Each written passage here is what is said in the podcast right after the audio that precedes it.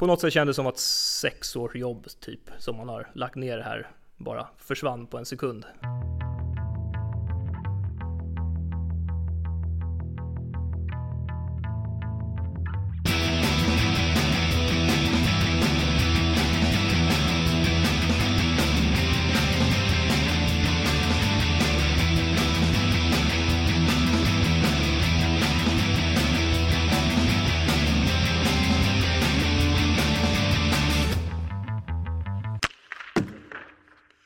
Hallå där! Micke Mjörnberg här.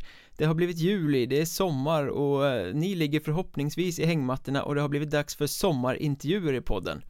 Först ut Tom Ternström, sportchef i Väsby. Och det här blir ett samtal om eh, klubbens omtumlande sejour i Hockeyallsvenskan Hur han egentligen tänker i dialog med spelare och när han bygger sina lag. Sina bästa och sämsta värvningar. Men också ryktena om honom som ny sportchef i AIK Om hur relationen till Karlskrona ser ut nu efter de eldiga turerna förra våren eh, Och om att sparka tränaren men kanske framförallt vännen Viktor Torala. Eh, det blir ett matigt snack och jag ska inte fördröja er tid mer nu utan vi kastar oss direkt på Tom Ternström då sitter vi här på Sleep Hotel, norra delen av Stockholm. Jag har hittat en ung gentleman som heter Tom Ternström, eh, sportchef i Väsby. Yes, tjena tjena. Ung, det var snällt. Ja, i förhållande till andra. Ja, kanske. Ja. Ja. Ni har flyttat in verksamheten här på det här hotellet. Ja, men det stämmer, det stämmer. Vi växte ur lite kansliet där nere på hemmaplan, så vi håller på med, eller kommunen i samarbete med Väsby Hockey håller på med en om, eller kommer inleda ett arbete om en ombyggnation av en ny entré där vi kommer sitta tids nog med kansliet. Men fram till dess kommer vi sitta här på Sleep Hotel. Byggs det inte alltid där ute i Vilundahallen eller Renew Arena som den heter numera?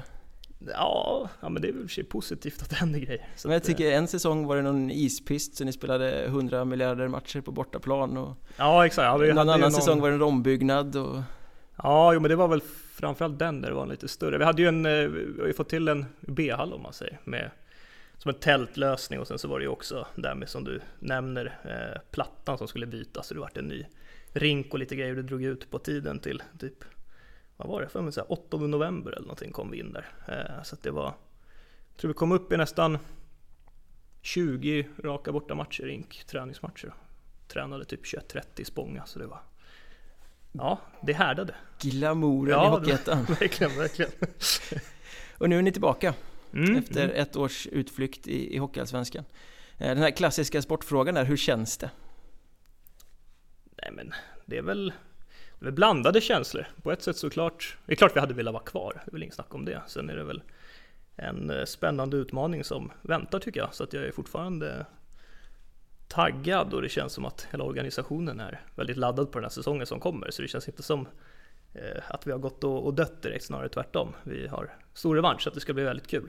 Eh, samtidigt så såklart hade man velat vara kvar. Det är väl inget snack om det. Men eh, det fanns liksom aldrig på kartan att kliva åt sidan eller sådär. Jag menar vissa kan ju få lite pyspunka, ballongen får slut på luft när man ja. Kämpat i flera år och så går upp och så åker du ur igen.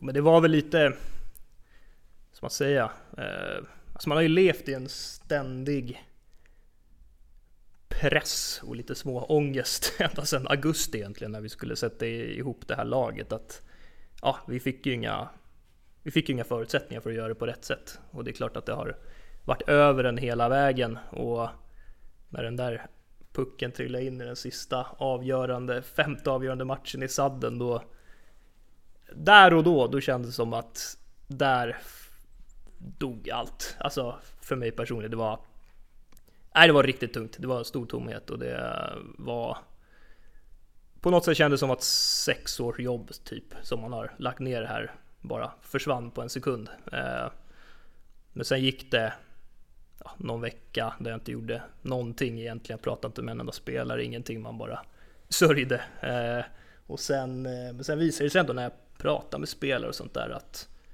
nej, men det här var inte slutet det, här, det finns någonting att bygga vidare på det här. Och, och då blev jag själv också kände jag så här att det var väldigt eh, tydligt, det var väl dagen efter tror jag som vi sa hej då till Mats Lust och, och grabbarna på kansliet där. Och jag och klubbchefen satt där och så kom materialarna också och lämna in nycklarna. Då var det så här, då sa jag det till Micke, bara, fy fan nu är jag själv på det här skeppet. nu har jag ingen med mig. Eh, och då kände jag väl där och då också att det finns inte att hoppa av. Alltså jag brinner för mycket för, för Väsby och, och ja, jag kan inte lämna på det sättet och bara låta det vara. Jag tror det hade kunnat gå. Inte för att jag eh, är så speciell utan för att det behövs någon slags kontinuitet och någon som känner spelare och vet vad vi ska trycka på för att kunna ta oss ur det här. Liksom. Eh, så att, ja. Revanschlust kan väl också vara en ganska bra drivkraft? Ja, men det är det. det är det. Och vi har ju en hel del, en hel del killar kvar. Så det är många som både varit med på det roliga som vi var med om sista året i ettan och också det har ju varit en fantastiskt rolig resa det här allsvenskan. Det kan man inte säga någonting om. Det är ingenting som jag direkt hade velat ha ogjort. Men det är klart slutet var surt. Ehm, så det, ja, det är många som som vill göra om resan vi gjorde sist i ettan. Men hur många år är det som du har bossat här ute nu? Är det sjätte säsongen? jag tror att jag går in på sjätte eller sjunde någonting. Ja. Du gick i alla fall raka vägen från målvaktskarriären till ja. sportchefskarriären. Ja, Och någonstans får man väl säga att du har varit mer eh, framgångsrik som sportchef än som ja. målvakt? Ja, jag tog mig upp till Allsvenskan fast som sportchef. Det gjorde inte som målvakt, var jag nog inte i närheten av.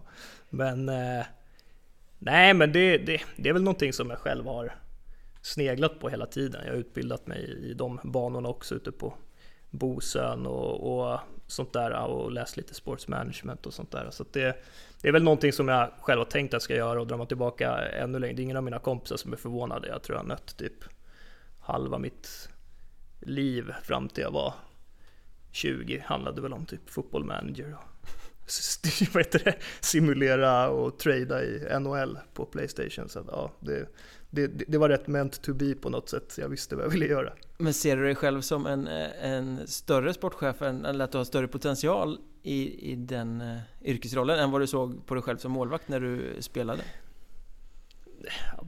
Ja, på ett sätt. Absolut. Uh, sen hade jag väl, alltså om man får säga det själv som målvakt, det var väl det är väl mer en mognad tror jag. Jag fattar nu vad som krävs för att klättra på ett annat sätt och inte ha för bråttom. Eh, som målvakt var det väl, i sista åren hade jag väl inte så mycket hets sådär, men det var väldigt liksom eh, man ville framåt hela tiden, man hade bråttom, man eh, var inte liksom mentalt mogen, man fattade inte vad, vad som krävdes. Man trodde att man gjorde allt, men det inser man ju nu att man inte gjorde. Nej, men jag var ganska, jag var nog rätt bekväm på så sätt att jag tror inte utåt sett att jag vad ska man säga, eh, att tränare sånt tyckte att jag var bekväm. Jag gjorde alltid det som man skulle göra, men jag gjorde ju aldrig något extra överhuvudtaget. Jag hade ju ingen koll alls på sömn och kost och sådana där grejer som man måste sköta för att liksom ta det där extra steget. Jag hade i mina bästa stunder var jag, det får man få säga själv, jag var ganska bra i alla fall på division 1 nivå men, men det där, jag hade inte det runt omkring liksom för att det skulle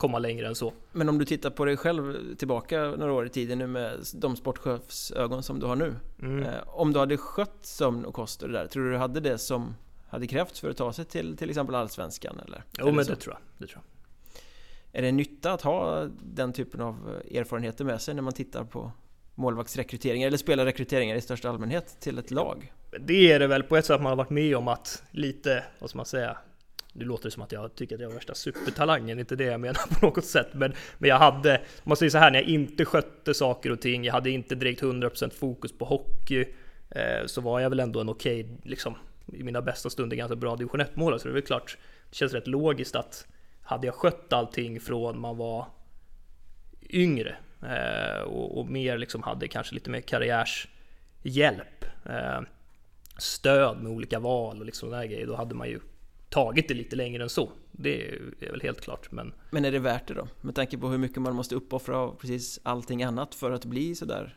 bäst? Jo, men det, jag hade ju velat göra om det. Det hade jag. det är så? ja, det hade jag. Då hade vi inte suttit här och pratat sportchefsfrågor Nej, nej, nej, nej, det är inte dumt heller. Det, det, nej, men det är väl inget jag, vad ska man säga, eh, går och grämer mig över. Det är inte så att jag tror att jag hade blivit NHL-proffs direkt, utan det är väl, det är väl bara, det är klart man undrar lite vad hade hänt om man hade tryckt på lite mer och vetat vad det faktiskt innebar om man kunde eh, hjälpa sitt eget 17-åriga jag och liksom hamna på rätt spår. Ja, men hur gammal var du när du la av? Eh, 26-27 typ. Ja, så det var ganska länge du nötte på i alla fall? Ja, men det var det. innan det, var det. Sista kom. åren så pluggade jag parallellt och var väl inte så här att jag hade några direkta drömmar. Det var med. Jag tyckte jag var på en rolig plats där jag spelade i Väsby. Det var liksom egentligen Väsby som jag... Eh, Väsby och AIK var väl på något sätt drömmarna lite att spela i. Jag har följt eh, båda lagen sedan jag var liten liksom. Så det, det, det var väl dit jag på något sätt strävade. Jag strävade aldrig efter att liksom komma till NHL. Utan det var väl AIK som var det högsta liksom, som Mm. jag drömde om. Du har varit en sväng i AIKs organisation i alla fall? Jo, men det var det är där jag uppväxt. Jag var därifrån. Eller började där när jag var väldigt, väldigt liten, typ yngsta pojklaget och sen så gick jag upp till juniorerna. Så det var, det var egentligen hela min hockeyutbildning så har jag fått i AIK. Då är det eh, jobbigt att se hur de tröskar fram i Allsvenskan nu då. Ja, Det känns som en klubb med Ja. potential som aldrig uppfylls på något sätt. jo men så är det, så är det. Ehm, sen är det, alltså, det är tufft, det är många bra lag i Hockeyallsvenskan. Ta sig upp därifrån är väldigt snårigt sådär. Många som kan trycka på rätt bra nu med HV och Björklöven och Västerås gör ju satsning och så. så att det, det är tufft. Samtidigt tycker man ju att men det borde ju absolut vara mer än vad det har varit sista två, tre åren. Men innan det så har de ju ändå varit på, på gränsen till SHL och liksom, det är väl där man tycker och hoppas att de ska vara i alla fall, tids nog. Det cirkulerade rykten under våren att du var en av dem som eh, i alla fall funderades på som ny sportchef efter, efter eh, Anders Gossi där. Mm, mm. Hur låg det något i det? Eh, ja, de får väl svara för sin rekrytering sådär, men ja, vi, vi hade lite dialog där. Du hade varit intresserad om du hade fått en skarp fråga?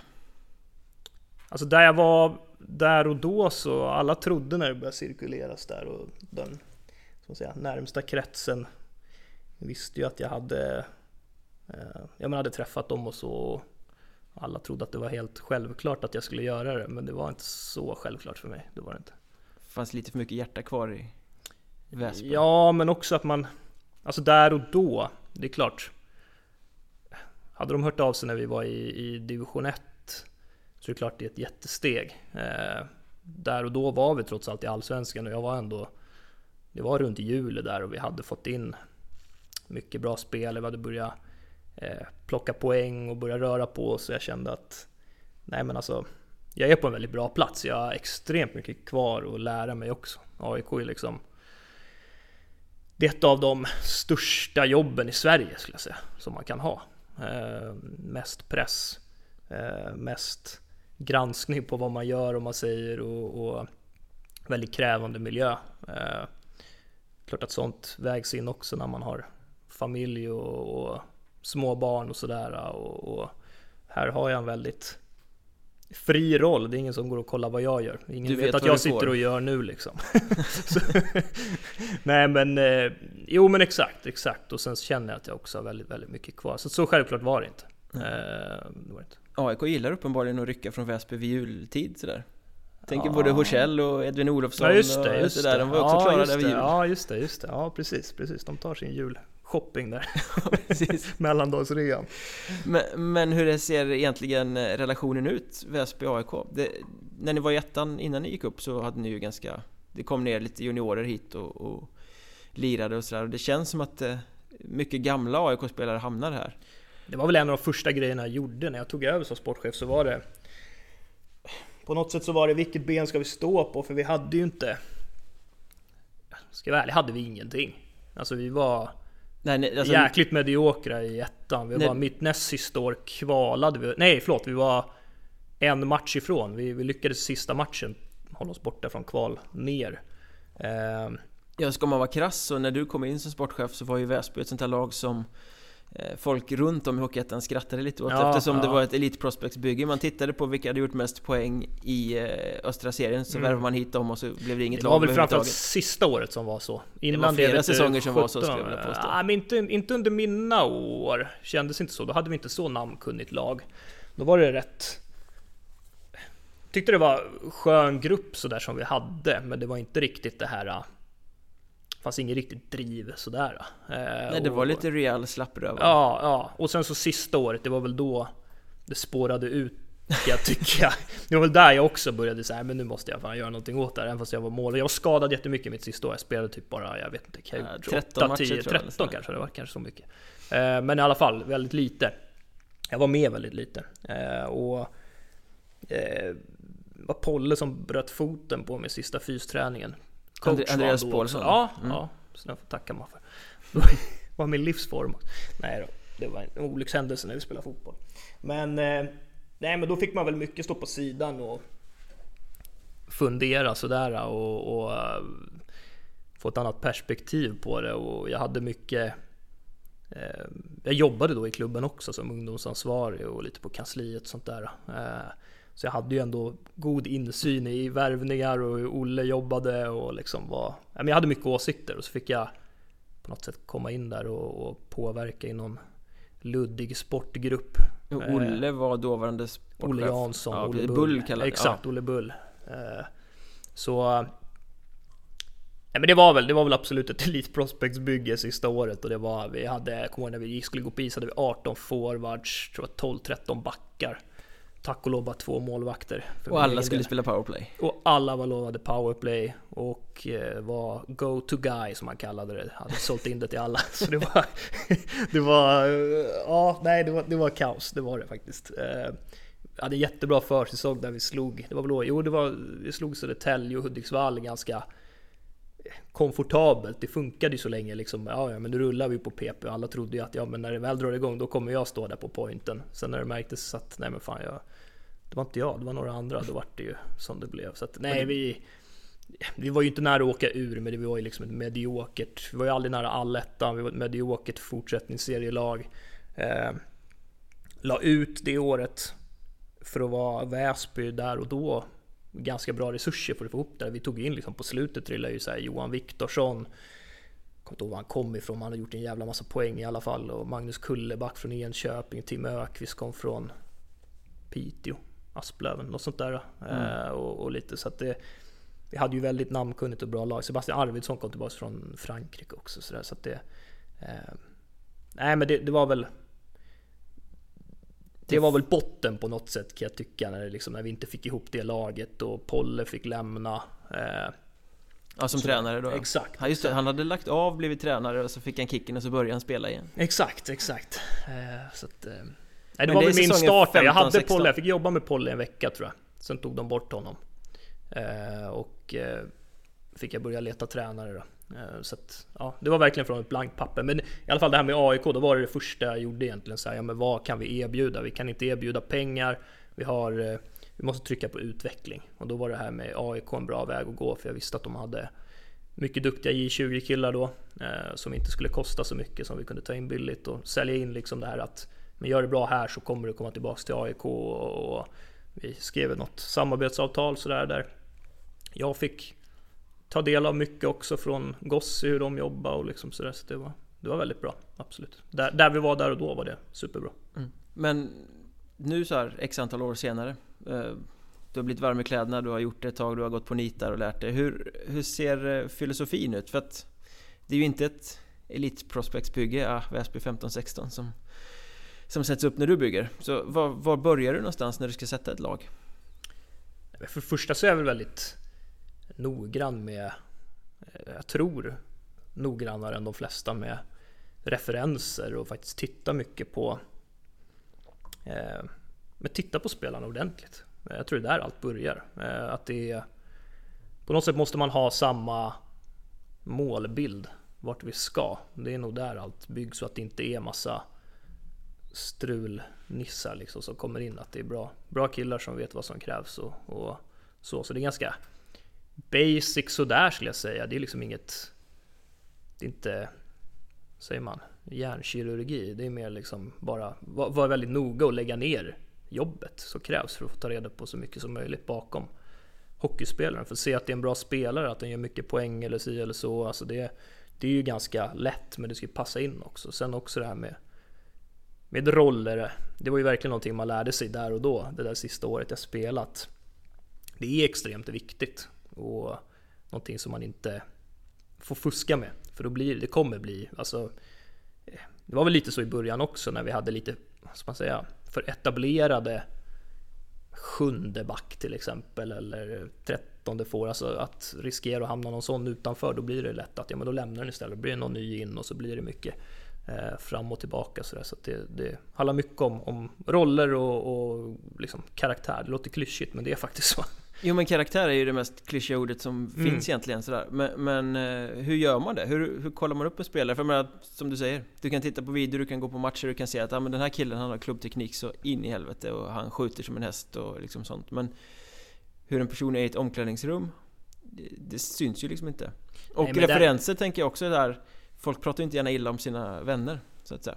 Men där är faktiskt folk väldigt ärliga tycker jag. Min, är det så? Ja, det är min erfarenhet att man, man säger det är klart, ringer jag någon spelares bästa polare som redan spelar i laget eller någonting, klart han kommer säga bra grejer så där får man väl ha lite filter. Men det är klart, jag lyssnar ju med den också. Men eh, min erfarenhet är att spelare eh, faktiskt är ärliga. Man vill inte sätta sitt namn heller på spelare som är något annat så. Eh, men sen som sagt får man väl ha lite filter själv och veta vad, vad liksom jag misstänker vad jag kommer få för svar här, men jag vill ändå höra och, och tar man tillräckligt många och sen så, jag pratar ju alltid med spelarna själva också. Det är inte, jag tror aldrig tagit in en spelare som jag inte haft dialog med. Eh, och, och Men var, var, var, ringer, var ringer varningsklockorna då? Om du sätter och pratar med en spelare, du måste ju ha en, en känsla för att um, det här är nog inte rätt snubbe in i ett omklädningsrum. Det är mycket med det här... Ja, jag fick inte chansen. Mm. Jag... Uh, om jag bara hade fått göra det här, jag fick inte chansen att påverka, jag fick inte Eh, tränarna förklarar inte ens varför och hit och dit. Alltså sådana saker, då, då ringer det lite varningsklockor för mig. Den här eh, klassiska när någon har fått lämna en klubb och inte har fått en förklaring. Ja, ja exakt, exakt. Då, då ringer det varningsklockor för mig att... Ah, eh. Du kanske bara inte ville höra förklaringen. Exakt, exakt. Så att, eh, ja, lite så.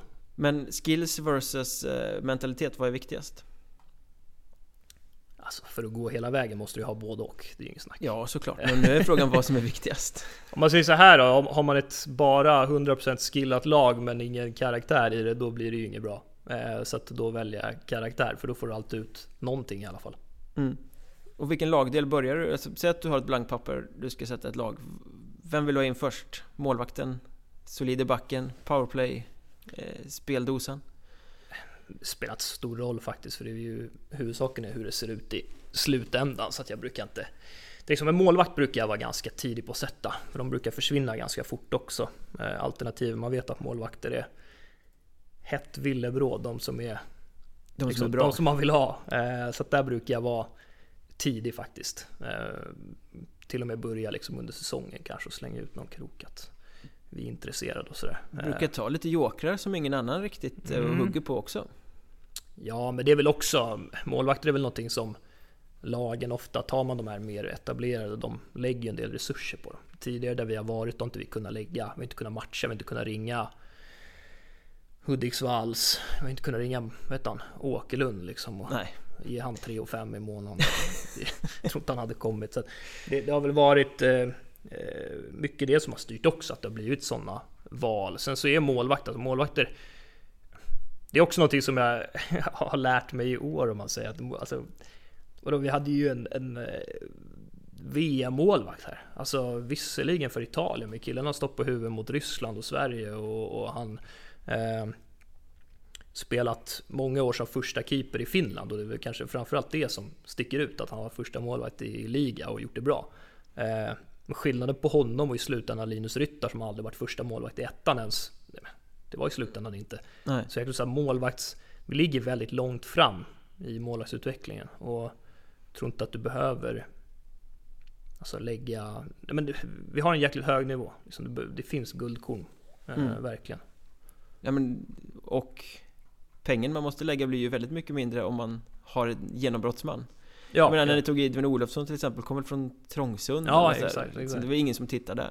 Nej, nej. Nej men det var lite som vi pratade om innan att det Ja tidigare när man har letat målvakter har jag kollat mycket på, på Alltså bottenlagen eh, Har de hållit upp det bra där och liksom haft fem, sex insläppta i snitt och hållit upp det på 88-90% Alltså det, det är ganska Då måste du hålla upp det rätt bra. Det är rätt att du klappar igenom där och kollar man också igenom vad de har gjort ordentligt och så, så ser man ganska snabbt vad eh, om det är laget eller målvakten det är fel på. Och i de här fallen så har jag sett att nej, målvakten gör verkligen det han kan och mycket mer. Och sätt och in den killen i ett lag som har ett försvarsspel så bör det ju rimligtvis bli bra.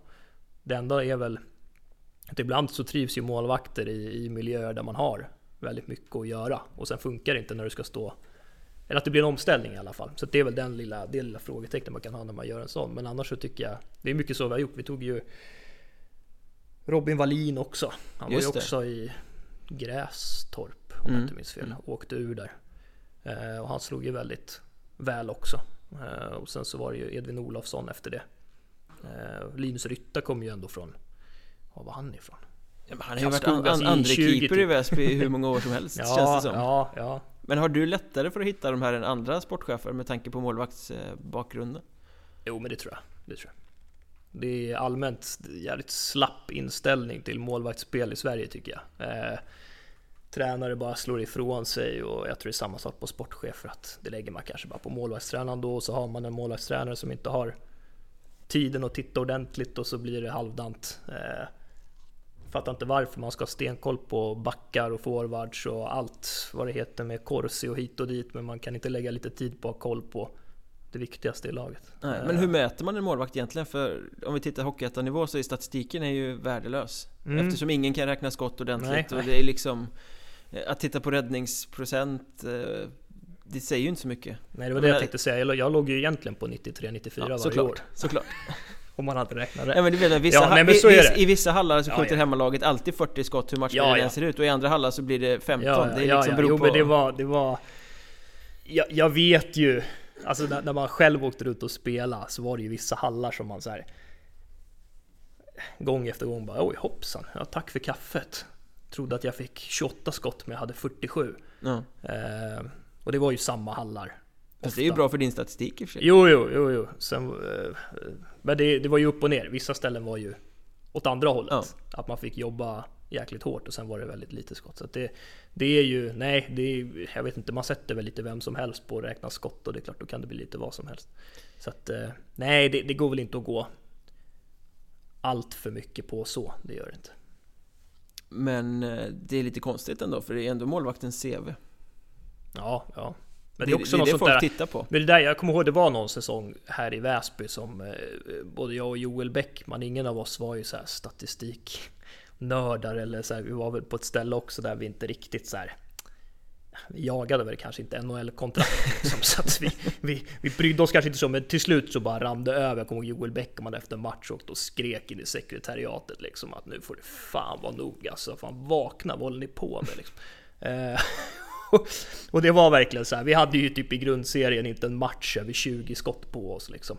Eh, och det, då, då, var det faktiskt lite, då, då var det en grej faktiskt. För det var så här, jag visste att det spelar ingen roll. Det var någon match mot Huddinge där man stoppade huvudet en period liksom. Och man, ja, vad hade jag? 18, 20 skott. Väsby 6, Huddinge 7 typ. Alltså, ja. Och då blev det ju lite, det blev ju en grej då i och med att det var, det var liksom inte en match eller två utan det var... Det man var blir liksom inte uppmärksammad när man gör något bra. Så, nej exakt, lite så. Så det är klart att det, det är olika, men samtidigt så är det, där har man också en tendens lite precis som tränare, man bara slår ifrån sig. Jag, jag kan ingenting om målvakter, jag lämnar till någon annan. Det är ja. lite samma sak med skott, så här, men hallå vem bryr sig? Typ så. Ja. Alltså, Nå, det, någon från juniorlaget kan räkna. Ja, ja, jo men det är ju lite så här, skulle, skulle man säga något så skulle ju folk, de skulle ju inte, de tar ju inte till. Jo, när Joel lackade till där, då, då, då vet jag att de tog åt sig. Men hade jag bara åkt och nämnt någonting, då hade de bara skrattat lite liksom. Ja. Alltså det, det är lite den inställning man har till skott. Men däremot poäng, då kan det granskas på förbund och hela allt sånt där. Liksom. Ja, så det... jag tycker det är rätt bedrövligt det där också. Att de fel målskyttar och fel eh, assist och extra ja, ja, assist jo, och allt... ingen granskare, det får stå kvar liksom. Ja, ja, nej men det, men det tror jag inte är så vanligt nu. Vi, vi har ju haft, vår lagledare har fått jobba ganska hårt med ändringar på poäng och det har varit enklare nu i Allsvenskan. Ja, men det, måste, det måste ju vara mycket lättare för er när ni har varit där uppe. Och... Det har det varit, men, men eh, ja, det, det är en del med det. Ursäkta att jag stör så här mitt i men jag vill bara lite kort upplysa om att det går att stödja podden via Patreon Eh, med några få riksdaler i månaden så kan ni hjälpa till att göra podden bättre och komma mer regelbundet. Eh, och ni som stödjer podden, ni får naturligtvis också bonusmaterial. Den här sommaren till exempel eh, extra poddar där poddgästerna pratar om utvecklingen av svensk hockey. Regeländringar de gärna skulle vilja se, fördelarna och nackdelarna med Hockeyettan och en massa annat gott tugg Som alltså finns som bonusmaterial på Patreon.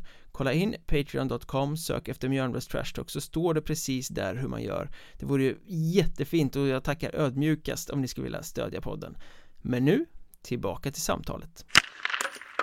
Men eh, vi kan blicka upp lite mot Allsvenskan här då. Eh, du var sportchef i Hockeyettan i ganska många säsonger. Sen gick ni upp, eller snubblade upp ska man väl säga i Hockeyallsvenskan. Eh, när coronan kom och det fick inte spelas kvar och efter. Mycket palaver så fick ni platsen när Karlskrona degraderades på grund av ekonomin. Eh, men tittar man på ditt verk så i Hockeyettan så under flera säsonger så jobbade du väldigt mycket med kontinuitet och det var en stor kärngrupp och det byttes några spelare hit och dit. Det var väldigt mycket norra Stockholm-prägel och liksom, det såg ut som att det fanns liksom en röd tråd och väldigt mycket tanke i lagbygget. Sakta men säkert förbättra. Sen kom det upp i Hockeyallsvenskan eh, det är klart att ni behövde bygga om eftersom ni hade ett Hockeyettan-lag Men ser man på den säsongen så var det som att du bara spolade ner allt du tidigare hade gjort i toaletten och började värva hejvilt och sparka hejvilt och flytta och flytta Så det, det, ser ut som att det finns två Tom Ternström eh, Från utsidan då är det så? Eller eh, hur, hur, tänker du själv kring ditt, dina olika sätt att förhålla dig till laget i, i Hockeyettan och Hockeyallsvenskan? Eh, nej men först och främst så var väl omställningen större än vad man eller vad jag hade trott. Och jag mm. tror många som bara håller på med Hockeyettan fattar inte. Alltså Hockeyallsvenskan är ändå en av, alltså typ topp 10 liga i världen. Liksom. Eh, det är en väldigt hög nivå. Eh, jag hade trott att vi gjorde ju någon, någon liten, som man kallar det, rensning där vi lånade ut ett gäng till Wings bland annat och Sebastian Andersson där till Huddinge, målvakten. Eh, vår grundtanke var väl egentligen att ta in ja men, typ en femma och en målvakt ungefär. Eh, det var ju där vi startade också. Sen märkte vi väl ganska snabbt att det var väldigt, eh, alltså, som man säger, alla spelare som gick in i säsongen, de klarade av att spela Hockeyallsvenskan. Eh, när de har sina bra dagar.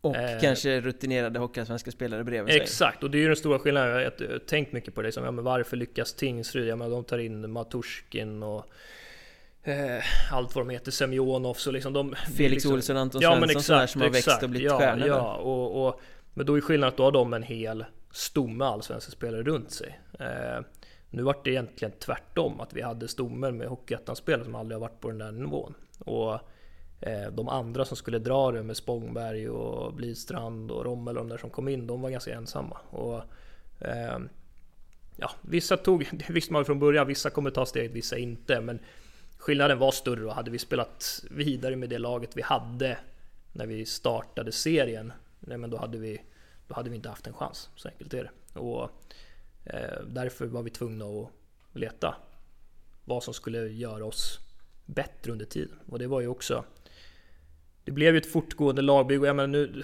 Hockeyallsvenskan rörde ju till det också kan jag tycka med det här med alla NHL-lånen och sånt också. Först var det ju liksom bygget lag som skulle klara Hockeyallsvenskan. Och sen så när vi ska in i serien, då har vi helt plötsligt Hockeyallsvenskan Deluxe vi ska spela med eh, på vissa håll liksom 6-7 NHL-kontrakterade spelare.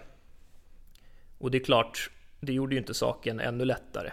Eh, strategin från början var då när jag pratade med, när jag hade dialog med sportchefen där i Allsvenskan och, och även, vad är han, VD eller någonting. Eh, att då satte man en regel att om det var typ Ja, det var ungefär 10 omgångar ungefär som skulle spelas. Det var väl kanske början november då som de här NHL-kontrakterade spelarna skulle få göra ett, ett, val då. Antingen skriver du på för hela säsongen i Hockeyallsvenskan eh, eller så får du inte spela.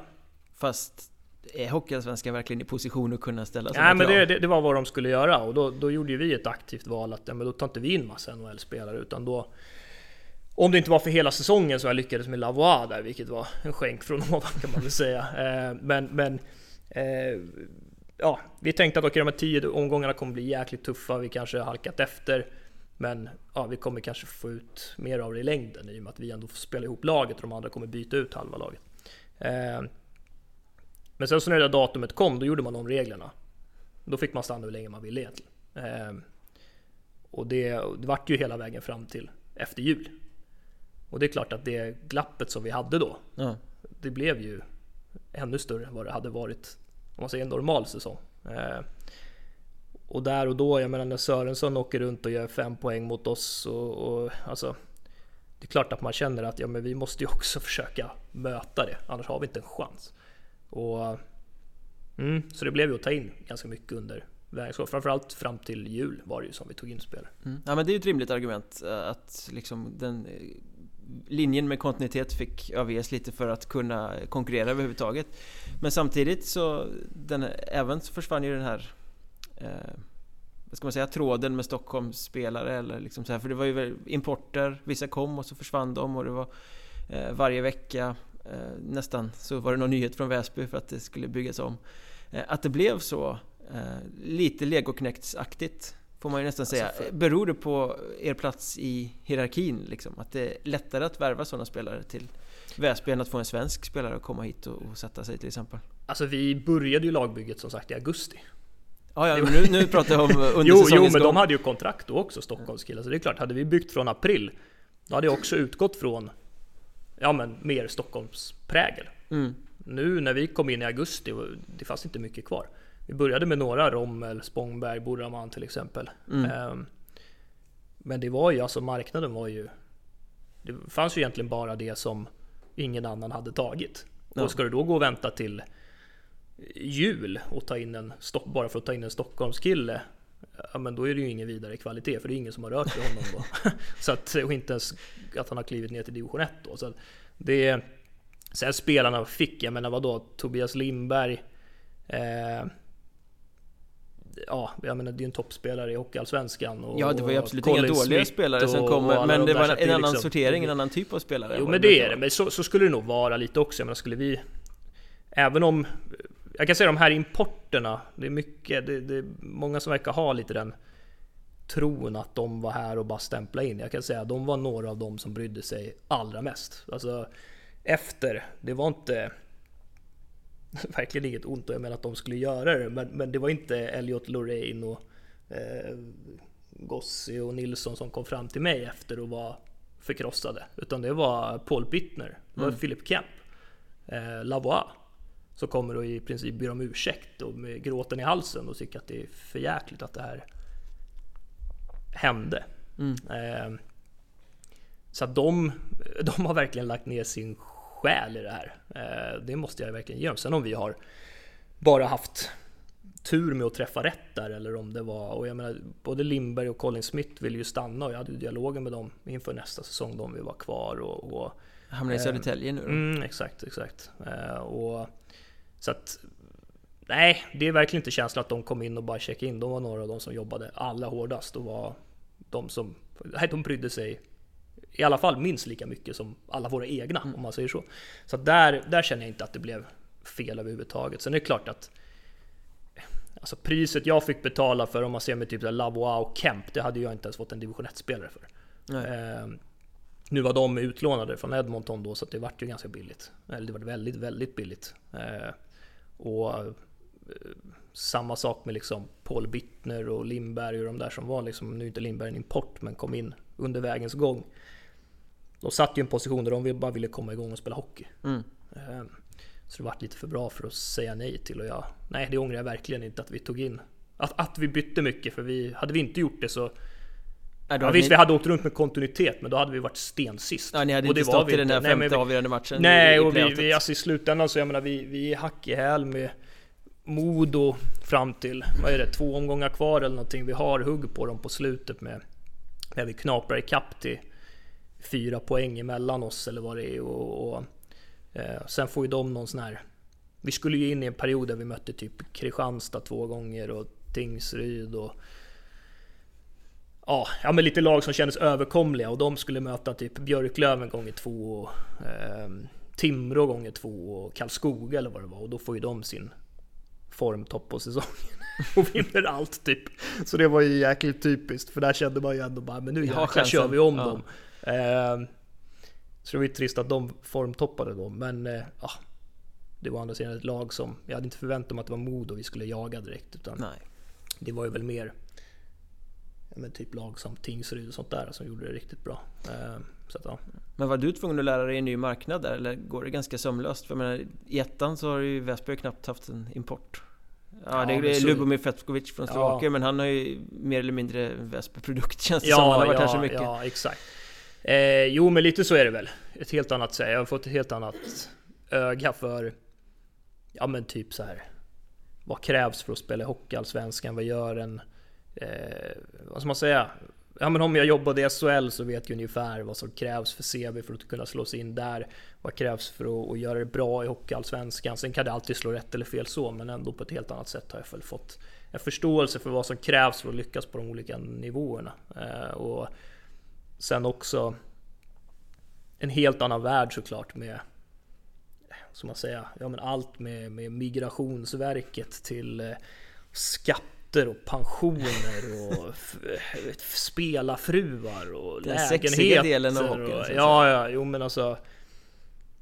Ja, det, det, det har varit väldigt mycket sånt också runt omkring och jag, menar, jag inte, åkt och plockat på Arlanda och kört och- med dem och käka och ja men alltså det var en helt annan värld så med servicenivån från mig och alla runt omkring måste ju upp Mm. många nivåer för att de här spelarna liksom ska tycka att det är good enough. Ja, precis. liksom, och, och där, där tycker jag ändå vi lyckades riktigt bra. Fick till och med Paul Bittners föräldrar skrev mail till mig efter och tackade för fantastiska servicen och vi tog hand om hans son. Så jag ser väl det som ett väldigt bra kvitto.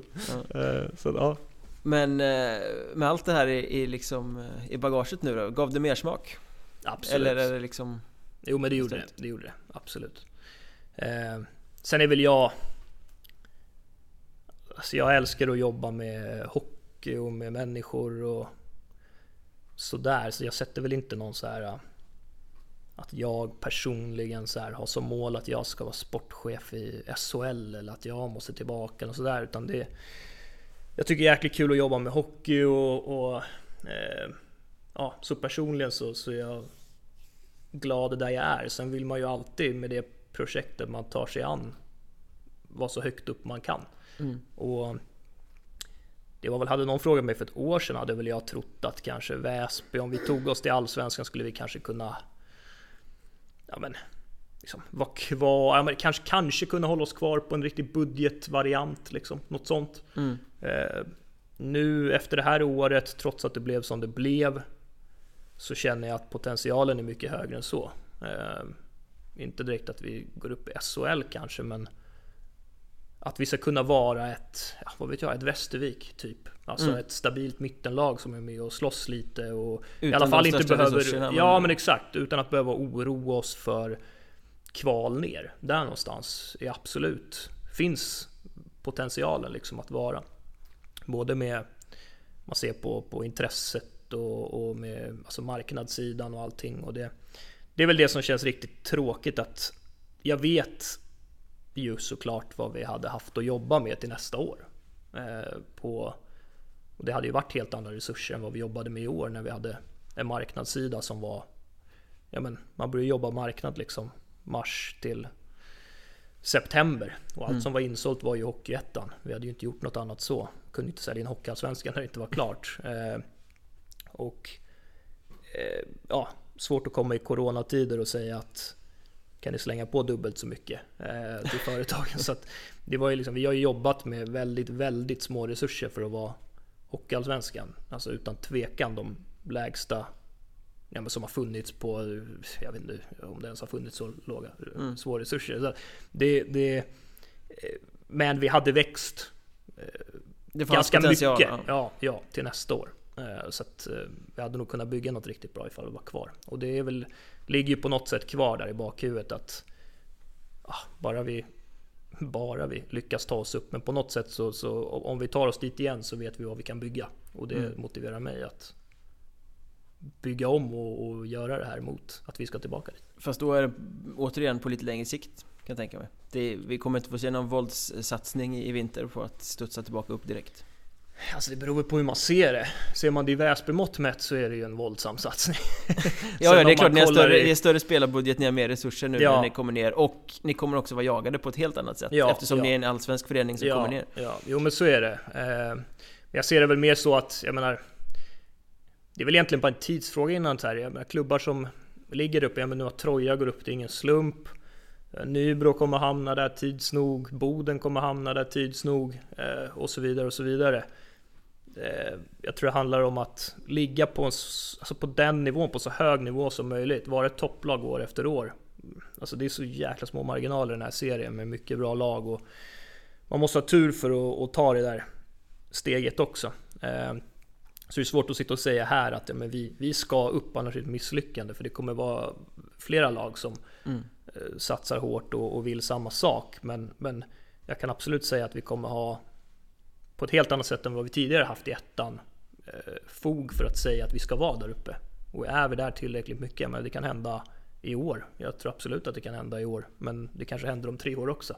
Men det är den nivån vi måste ligga på som förening år efter år för att eh, ta steget. Men ambitionsnivån är att liksom tillhöra eh, klumpen av eh, riktiga topplag. Ja, Om man säger så. det- Det är liksom där Väsby Ja. ska vara från och med nu. Inte Yes. en, en överraskningsjoker från, som nej, kommer lite i bakvattnet utan nej, nej, det är där vi, vi ser att vi ska vara. Men när ni tog er upp i Allsvenskan, det var ju som sagt, ni vann eh, serierna, ni vann finalen, ni stod och väntade på kvalserien, säsongen blåstes av och så körde Karlskrona i diket och ni fick platsen. Eh, Då var det också rubriker om hatet från Karlskrona.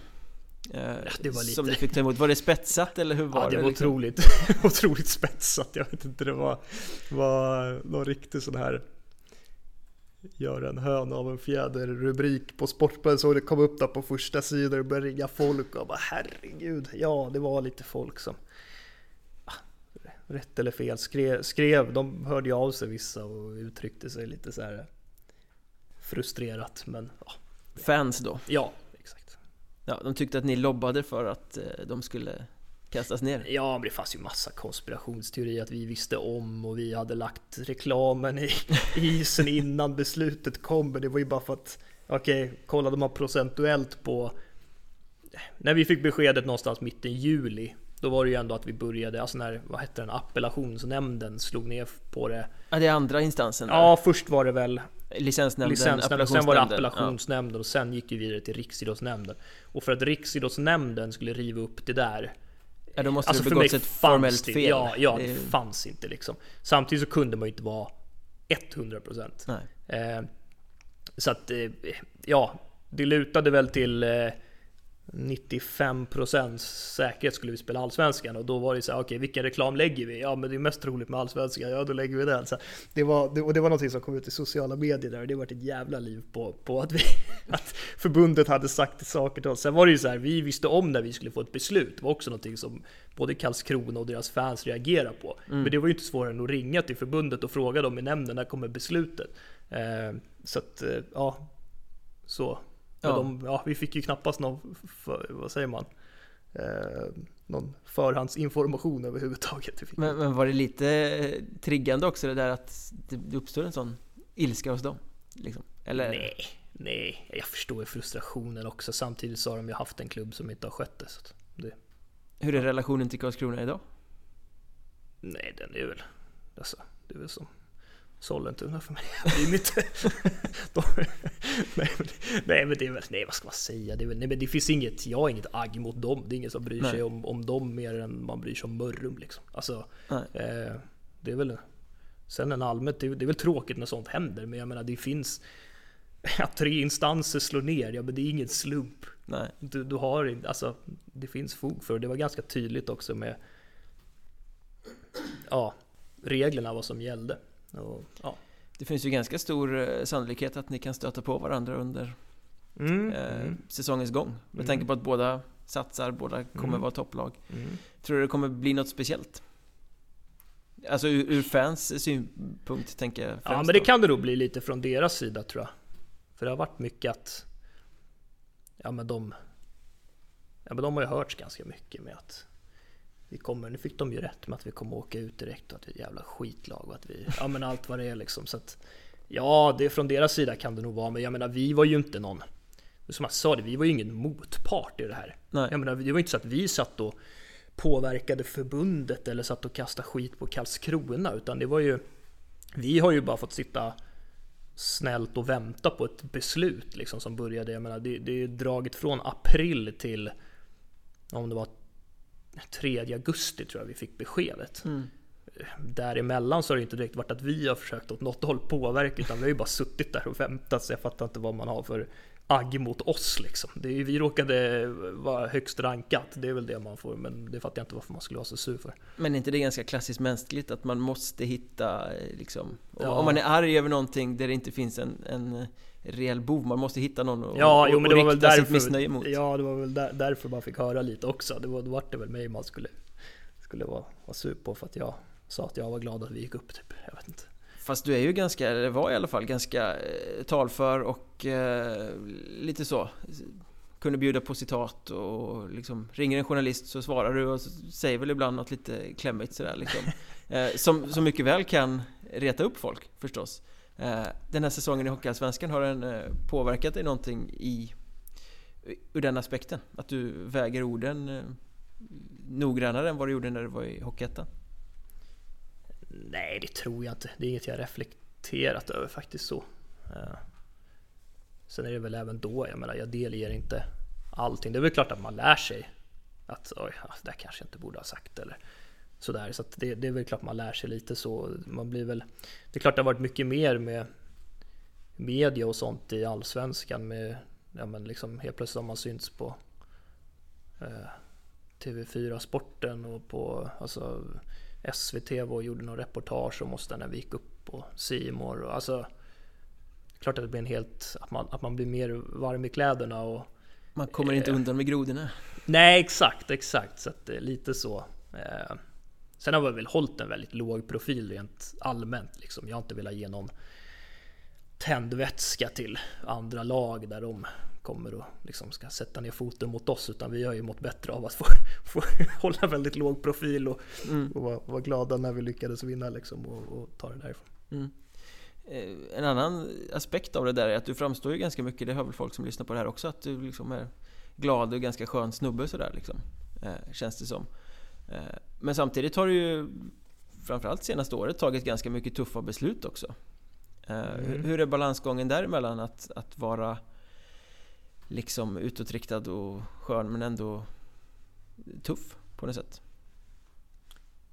Ja, nej men det är väl en balans. Jag, jag tycker väl att min filosofi är väl att vi, vi, vi ska ha det ska vara en skön stämning i, i Väsby sådär och, och liksom i omklädningsrum och runt om. Jag menar, jag sitter i omklädningsrummet och dricker kaffe och, och garvar och liksom sådär. Så att eh, vi tillsammans ska göra det liksom och bygga upp den känslan. Och det tror jag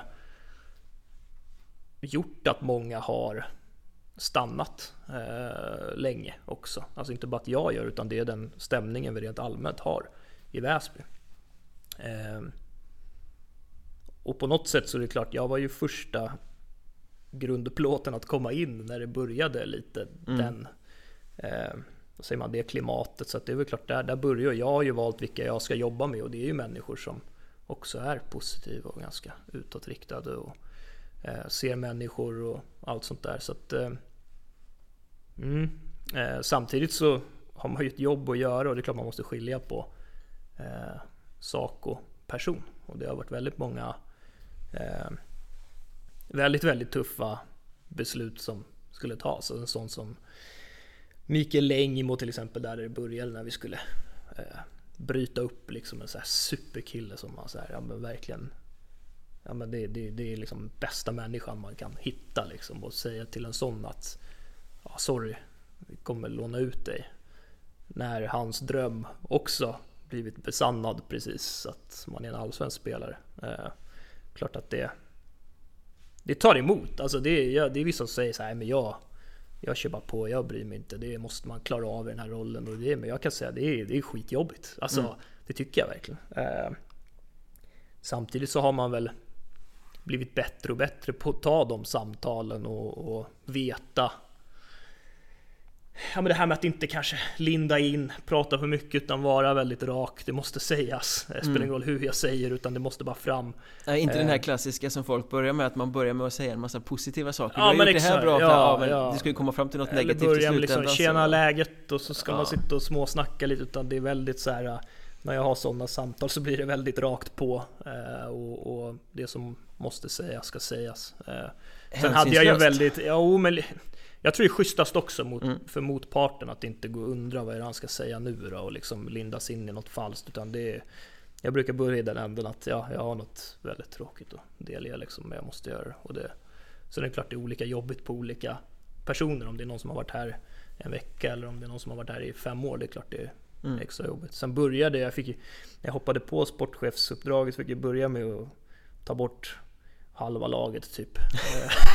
Av mina kompisar som jag hade suttit med i ett år. Så att, Det var det som var Jag fick- skolan liksom. ja, jag fick ju börja i den ändan och det, det, det, det, det är klart att Ja eh, Men å andra sidan, det var ganska de, de, de där och då, de visste nog om vad, vad de var också. Liksom. Men vilket är det tuffaste beslutet du har tagit då? Är det Längmo? Eller? Nej men det är Viktor eh, Torala, tränaren. Ja. Där när vi, och Bobba såklart också. Niklas Pettersson.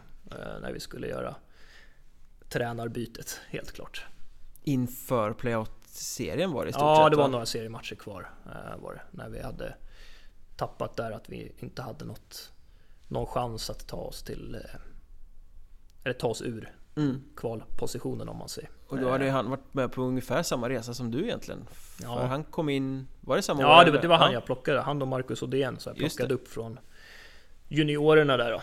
Eh, så vi har ju liksom kamperat ihop här i ja, sex år och eh, ja, sådär. Och, och haft inte bara som man säger att vi har setts i hallen utan vi har ju pratat Mm. varje dag och, och liksom, ja men det handlar ju inte bara om hockey. Mycket blir hockey men det blir mycket snack om barn och Mm. allt. Ja men liksom så, så att det, det, det är en personlig... Det är ju en vän som jag ser det liksom. Och det är klart att vår relation har väl fått en törn om man säger så. Men... Eh, Ja, den fick det av... eh, jo men det är väl klart att det blir, blir väl så. Samtidigt så... Vi har ju liksom pratat efter och har ju kontakt fortfarande och... Ja, klart han har förståelse också för... För eh, situationen så. Sen är det väl ofrånkomligt att det blir någon slags lite kris i relationen. Ja, det är ju lite ett underkännande om man blir bortplockad så att... eh, Men alltså jag ser egentligen, alltså det är väl det som spelar egentligen ingen roll. Vinner man inte hockeymatcher, alltså då blir det ganska snabbt att eller ganska snabbt, men, men nu under en hel säsong liksom att vi inte riktigt fick greppet sådär och, och det spelar ingen roll vilken tränare du är. Alltså Viktor är en grym tränare, en grym person.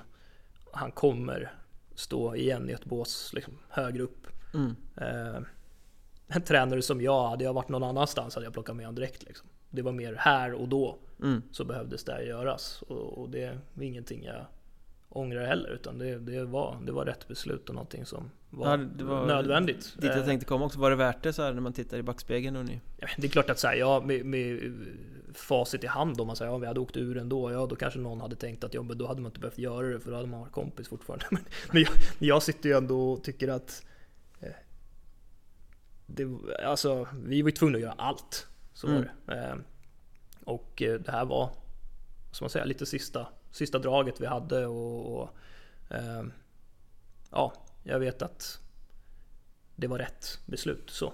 Sen är det jättetråkigt när man ska behöva gå den vägen. Men det är ju yrket också. Där var Viktor väldigt, vad ska man säga, han, han förstår ju också. Han vet ju också Mm. eh, hur det funkar och att den risken finns. Och, och sen har vi pratat också om att det kanske var egentligen med, fa, med facit i hand så var det vi, vi nog mår bra, vi mår bra av att vara ifrån varandra. Ja.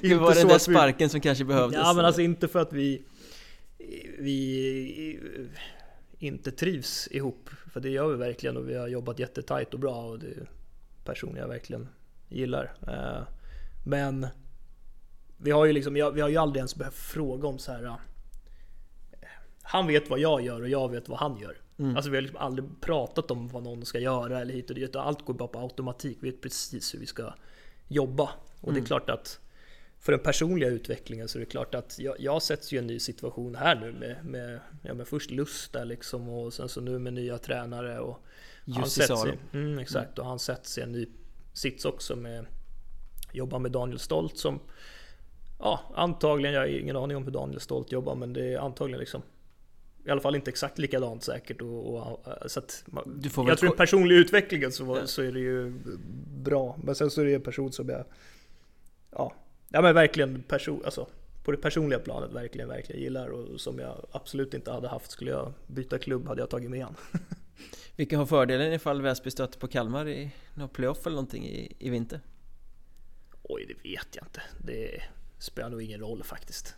För det är ju så mycket, alltså, det görs ju nya saker här med Jussi och Charlie så att eh, Ja, och jag vet inte, jag känner väl till Viktor och hans sätt men samtidigt så Alltså för mig handlar hockey, det är inte bara bågar och utan det, det, är så mycket annat. Man vill få det till att det ska vara så jäkla lätt med att Ja, gör vi den här forechecken då kommer de inte ur men Alltså, det, allt går på en eh, millisekund i beslut och det är så här, ja, det, i alla fall på nivån i Hockeyettan så är det inte att det är så jäkla strukturerat och fantastiskt hela tiden utan det handlar nog mer om mer om, om bra hockeyspelare, bra smarta spelare som kan ta beslut under eh, pressade situationer och, och, och, mycket också. Det, det lärde jag mig med, med Lust. Han, eh, när han kom in här nu liksom med hur viktigt det här är utan pucken och liksom inställningen till alltså så mycket skott som vi blockade sista, vad blir det, typ 8-9 matcherna där med, med honom. Det var,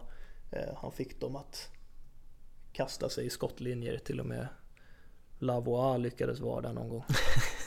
Så det, ja, ja. Nej, men det, det, är faktiskt någonting som, för det var någonting genomgående under säsongen där tycker att fan vi, vi fick inte igenom skotten men motståndarna fick det på något sätt. Och mm bara inom citationstecken en, en sån sak.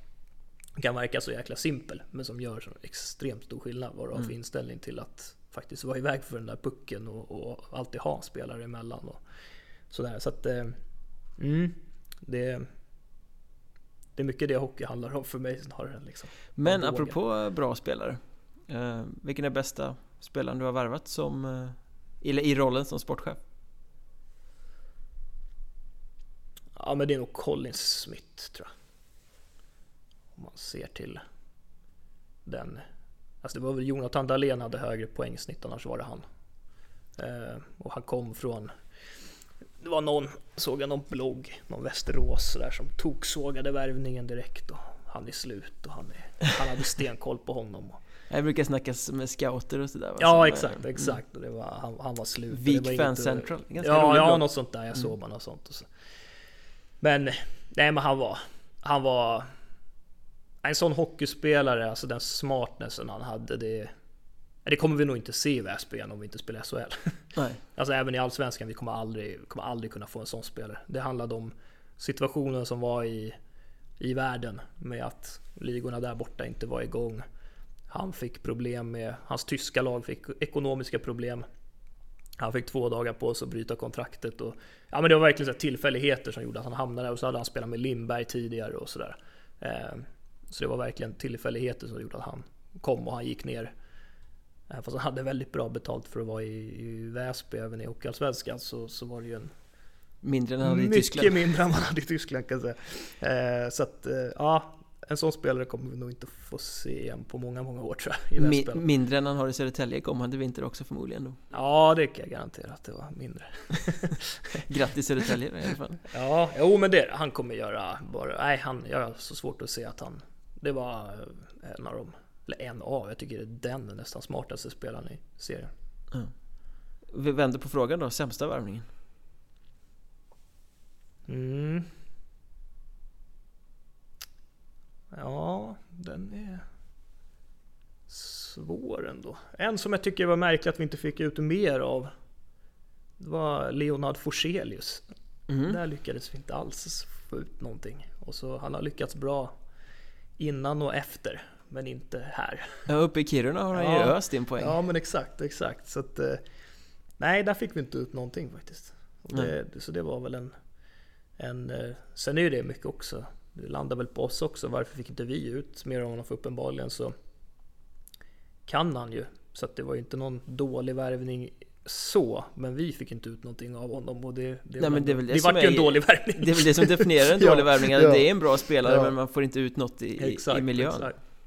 Kanske pa Pavel Gogolev i år också blev ju inget bra på så sätt att han inte hade spelat hockey på ett år och aldrig varit på en stor rink. Lite samma sak där också, sen kom han till AHL och öser in så ja, det fanns ju där men vi fick inte riktigt ut det. Men är det inte så också att vissa funkar i vissa miljöer och ligor och andra inte? Jo men så är det Det är väl en del av sportchefsjobbet också? Att, Ja men precis, där var ju Colin Smith ett sånt exempel som inte riktigt fick bett i Tyskland och han tyckte hockeyn var väldigt, väldigt konstig liksom. Det var... ehm, ja, men hockeyn gick i sidled snarare än fram och tillbaka som han var nöjd om liksom.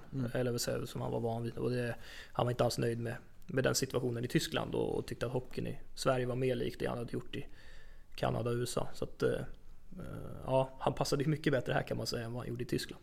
Men att det gick så bra med, med nordamerikanska spelare i säsongen som gick, har det öppnat dörren för eh, att plocka nordamerikaner till Väsby även i, i Hockeyettan? Men jag får ändå säga att alltså, egentligen alla de prickade ju väldigt rätt. Mm. Eh, var ju ingen, ja men det var Gogolev där, men å andra sidan så var inte han nordamerikan heller. Men, men, eh, men han kom därifrån och hade ju som sagt inte spelat hockey på länge och hans, på något sätt blev väl hans typ 10 matcher han gjorde här, det blev ju hans försäsong. Sen åkte han Mm. till AHL och, och gör en pinne per match. Så ja, han kom ju igång rätt bra. Ja. Eh, men ehm, Ja, jo men det, det har vi. Jag hade jättebra koll, det är lite roligt faktiskt. Han som är chefsscout är han väl i eh, Edmonton. Som jag fortfarande har kontakt med och han, han var väldigt så här. eh, han, han såg alla Väsby-matcher, han sa det, alla där. Edmonton hade ju inga egna matcher så alla i deras Mm. organisation satt ju och kollade Väsby och hejade och, och han, var, han var verkligen förkrossad när, när vi hade åkt ur och, och betonade det jag har sagt det flera gånger när vi har pratat efter också att eh, ja, behöver du hjälp så säg till bara jag fixar spelare och sådär. Så att ja, den, den dörren är är öppen.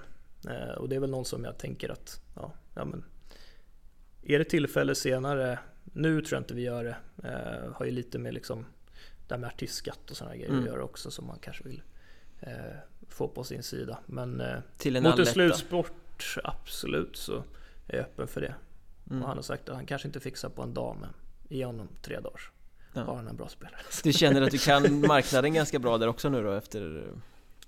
Jo, men man har ju fått mycket fler kontakter. Det, ju, det går ju inte att jämföra med hur telefonen ringer i ettan och i allsvenskan på eh, framförallt ja, men både svenska agenter men också utländska som man har etablerat lite. Det är väl, det är väl egentligen han där i Edmonton som Keith som jag har liksom fortfarande pratat med och sådär. Men, men de andra vet ju vem man är nu på ett sätt och vet att ja men Väsby, miljön funkar. Sen är det klart att de har ju kanske inte så mycket spelare som är Hockeyettan-nivå egentligen. Mm. Det är väl där. Men det är, man vet ju inte under säsongen kan det vara någon som hamnar snett där borta och bara vill komma och öppna dörrar i Europa liksom och Sverige. Så det är väl det som kanske kan ske senare. Så vi får väl se om det. Men det är inte uteslutet i alla fall. Alla dörrar står öppna. Ja, ja, så kan man säga. Men eh, det blir en lugnare sommar den här gången än vad det blev inför fjolårssäsongen. Om vi säger så. Får du, får du koppla av något? Ja, alltså, jag har inte haft sem- Det vart ju ingen semester alls för det. var dag ett på semestern som beskedet om Karlskrona kom när jag var på väg ner till Skåne. Så det var, jag fick ta min morbrors lägenheten nere så fick familjen åka vidare så fick jag sitta där i fyra dagar och jobba.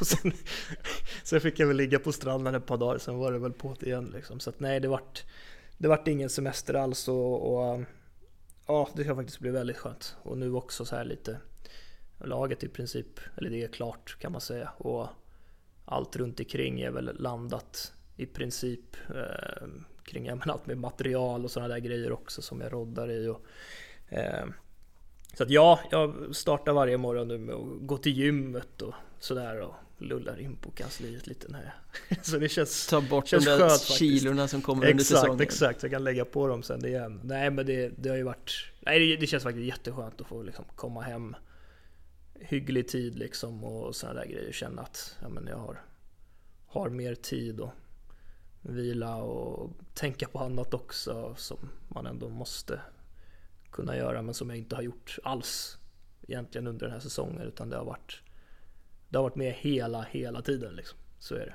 det. Eh, Vila hjärnan lite. Ja, ja, men det känns faktiskt skönt. Så att, ja. Grymt! Jag tror vi sätter en punkt där och kul att du ville vara med. Ja, tack själv. Kul att vara med.